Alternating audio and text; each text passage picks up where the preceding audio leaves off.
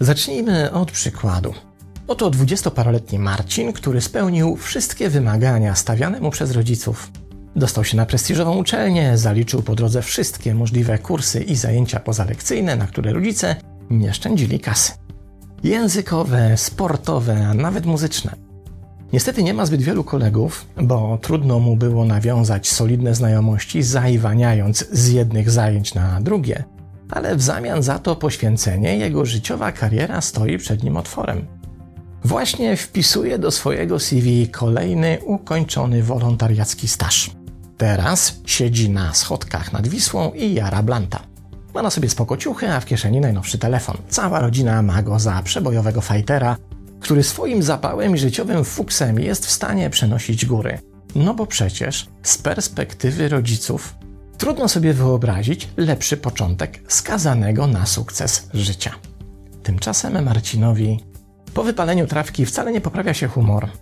Jest coraz bardziej przygnębiony i zniechęcony do jakiejkolwiek aktywności. Myśli w jego głowie nie krążą wokół świetlanej przyszłości, bo coraz częściej pojawia się w nich motyw odebrania sobie życia, co wreszcie mogłoby zakończyć ten z roku na rok powiększający się koszmar braku poczucia sensu. Jak to możliwe? Nie może się nadziwić pochylający się nad Marcinem zestaw rodzinnych, sparciałych boomerów. Przecież ten niewdzięczny smarkacz ma wszystko, czego my nie mieliśmy. Więc czemu do jasnej cholery nie jest szczęśliwy? Czemu nie całuje nas wszystkich po rękach za tak piękne życie, które mu zmajstrowaliśmy naszymi wyrzeczeniami? A może by tak wysłać smarkacza na dwa miesiące na zbieranie truskawek pod Monachium, żeby się opamiętał?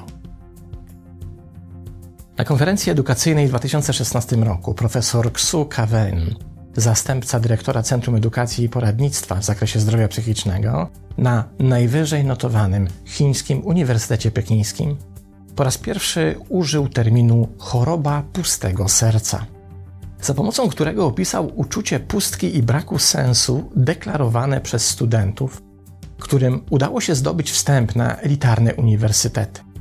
To zazwyczaj młodzi ludzie, których osiągnięte sukcesy są efektem silnej presji rodziców inwestujących w rozwój swych dzieci duży kapitał, zarówno finansowy, jak i złożony z oczekiwań.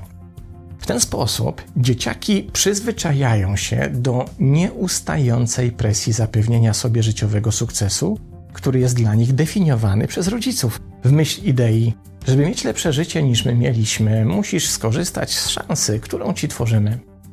W efekcie, często kosztem beztroski dzieciństwa, przyjacielskich relacji z rówieśnikami czy własnych zainteresowań, realizują narzucone im cele, stając się powodem do rodzicielskiej dumy i przechwałek przed znajomymi. Z perspektywy rodziców wszystko wygląda jak bajka. System działa, jest sukces, można odfajkować kolejne zwycięstwa. Jednak kiedy zmieni się perspektywę i zajrzy do głowy domniemanych zwycięzców, tam już tak radośnie i wesoło nie jest. Kiedy zespół socjologów przebadał studentów pierwszego roku najbardziej prestiżowych chińskich uczelni, okazało się, że ponad 30% badanych nie lubi swojego obecnego życia, w tym studiowania oraz uczelni. A 40% badanych uznaje, że ich życie jest pozbawione jakiegokolwiek sensu. Zacytujmy kilka wypowiedzi studentów, bo zdaje się, że dość jasno opisują, o jakie emocjonalne doświadczenia chodzi. Jeden ze studentów powiedział: Nie wiem, dlaczego mam chcieć żyć. Nie jestem usatysfakcjonowany i zawsze chcę być lepszy we wszystkich aspektach, ale wydaje się, że takie życie nie ma końca.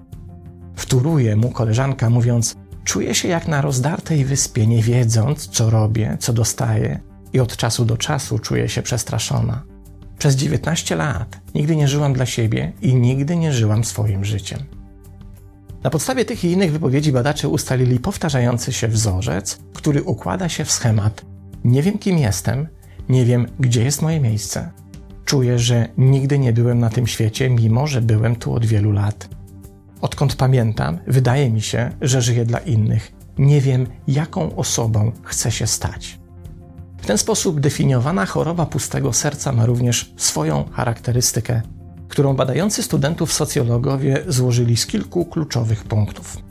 Po pierwsze, objawy choroby pustego serca mogą przypominać depresję, bo tu również pojawia się obniżenie nastroju i brak zainteresowania światem zewnętrznym.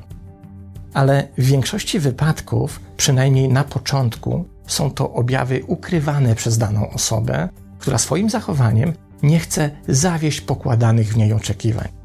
A to oznacza, że pogorszenie stanu psychicznego jest w początkowej fazie niezauważalne dla otoczenia. Po drugie, pojawia się silne poczucie bezsensu życia i samotności, które również jest niedostrzegane przez otoczenie, to przecież dana osoba jest cały czas aktywna i sprawia wrażenie zaangażowanej w naukę czy zdobywanie kolejnych osiągnięć. Po trzecie, obserwacja budowania relacji społecznych nie wykazuje niczego alarmującego. Wszystko wydaje się być w najlepszym porządku. Komunikatywność, umiejętność nawiązywania znajomości oraz wrażenie bycia osobą akceptowaną i lubianą. Jednak na planie wewnętrznym okazuje się, że to tylko gra pozorów mająca na celu zachowanie pozytywnego obrazu samego siebie w oczach innych.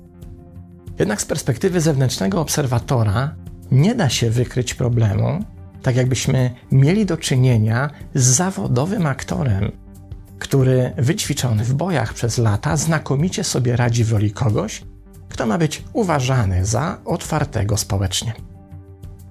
Czwarta charakterystyczna cecha objawia się dużo później, już po diagnozie problemu i przy próbach interwencji klinicznej, mającej miejsce niestety już zazwyczaj na oddziałach psychiatrycznych.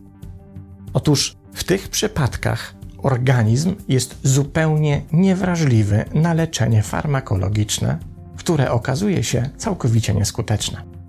Po prostu żadne lekarstwa nie wywierają wpływu na pogarszający się stan psychiczny młodych pacjentów. Szóstą charakterystyczną cechą jest częsta i silna obecność myśli samobójczych, które pojawiają się w wielu przypadkach niejako wyprzedzając syndromy choroby pustego serca, bo już na etapie wczesnej szkoły średniej, a czasem jeszcze szybciej. To zresztą jedna z istotnych czerwonych alarmowych lampek, która może zapowiadać chorobę pustego serca, zanim jeszcze na dobre zagości w systemie. No i w końcu ostatnia cecha, Otóż wszystkie zastosowane formy i nurty tradycyjnej psychoterapii okazały się nieskuteczne. Co więcej, ich stosowanie może, zdaniem badaczy, jedynie przyspieszyć rozwój symptomów. Naukowcy wciąż badają te przypadki i starają się ustalić, na ile choroba pustego serca może mieć związek z notowanym od lat 90. zjawiskiem hikikomori w Japonii, czyli wycofania społecznego młodych ludzi, którzy zamykają się w swoich pokojach i odmawiają ich opuszczenia, czy ze zjawiskiem nazwanym w Szwecji syndromem rezygnacji, w którym młodzi ludzie odmawiają przyjmowania posiłków i nie wstają z łóżek, popadając w stan całkowitej izolacji socjalnej. Problem w tym, że hikikomoria dopada głównie mężczyzn poddanych presji wywiązania się z nałożonej przez japońskie społeczeństwo głównie ekonomicznej roli.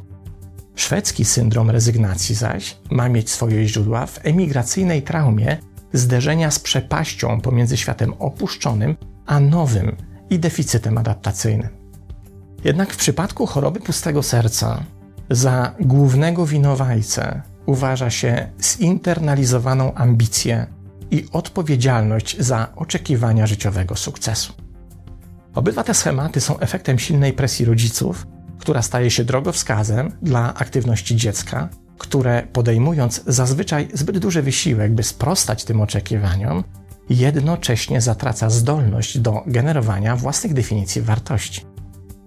Jeśli wartość jest ustalona zewnętrznie i odgórnie i przypisana do konkretnych życiowych zdobyczy, to w efekcie tego procesu Własny system wartości nie ma jak zostać wykształcony, co w konsekwencji musi się przełożyć na poczucie braku sensu, które jest charakterystyczne dla wszystkich zdiagnozowanych czy odkrytych badawczo przypadków choroby pustego serca. Pora odpowiedzieć na pytanie, dlaczego w początkowym przykładzie użyłem imienia Marcin i lokalizacji nadwiślańskich schodków, a nie na przykład imienia Chang i schodków nad kanałem Yinghang w Pekinie. Odpowiedź jest prosta. Znam kilka, jak nie kilkanaście przypadków rodziców, którzy w terapeutycznych sesjach pracują nad poprawą relacji z dziećmi, których opisy zachowań są dokładną kopią charakterystyki choroby pustego serca, łącznie z tym, że wszelkie próby interwencji psychoterapeutycznej wyłącznie pogorszyły sprawę. Zresztą to żadne moje odkrycie, bo pojawienie się coraz większej ilości przypadków w tzw. Tak kulturze zachodniej odnotowuje również David Scharf, profesor psychiatrii na Uniwersytecie Georgetown. Wskazuje on, że wprawdzie w Chinach jedną z przyczyn zjawiska była tzw. Tak polityka jednego dziecka, która siłą rzeczy skumulowała oczekiwania rodziców co do życiowego sukcesu ich jedynych dzieci. Ale w świecie zachodnim choroba pustego serca nie dotyczy wyłącznie jednaków. Jej prawdopodobieństwo wystąpienia pojawia się wszędzie tam, gdzie rodzice projektują na swoje dzieci własne niespełnione ambicje, uznając, że uszczęśliwi je to, co sami pragnęli przez całe życie z mozołem zdobyć. Dzieciaki piją i imprezują, mówi Szarf, coraz częściej nie dlatego, by się móc we własnej młodości wyszaleć, ale dlatego, bo desperacko starają się ukryć wewnętrzne poczucie bezsensu i strach przed przyszłością. Czy powyższe powinno się uzupełnić jakimś komentarzem ponad ten, który każdy z nas właśnie usłyszał we własnym sercu? Ja podzielę się własnym. Może już najwyższy czas przewartościować sposób, w jaki starsze pokolenia myślą o młodszych, bo jak dobitnie nam pokazuje rzeczywistość, ten dotychczasowy się po prostu nie sprawdził. Pozdrawiam.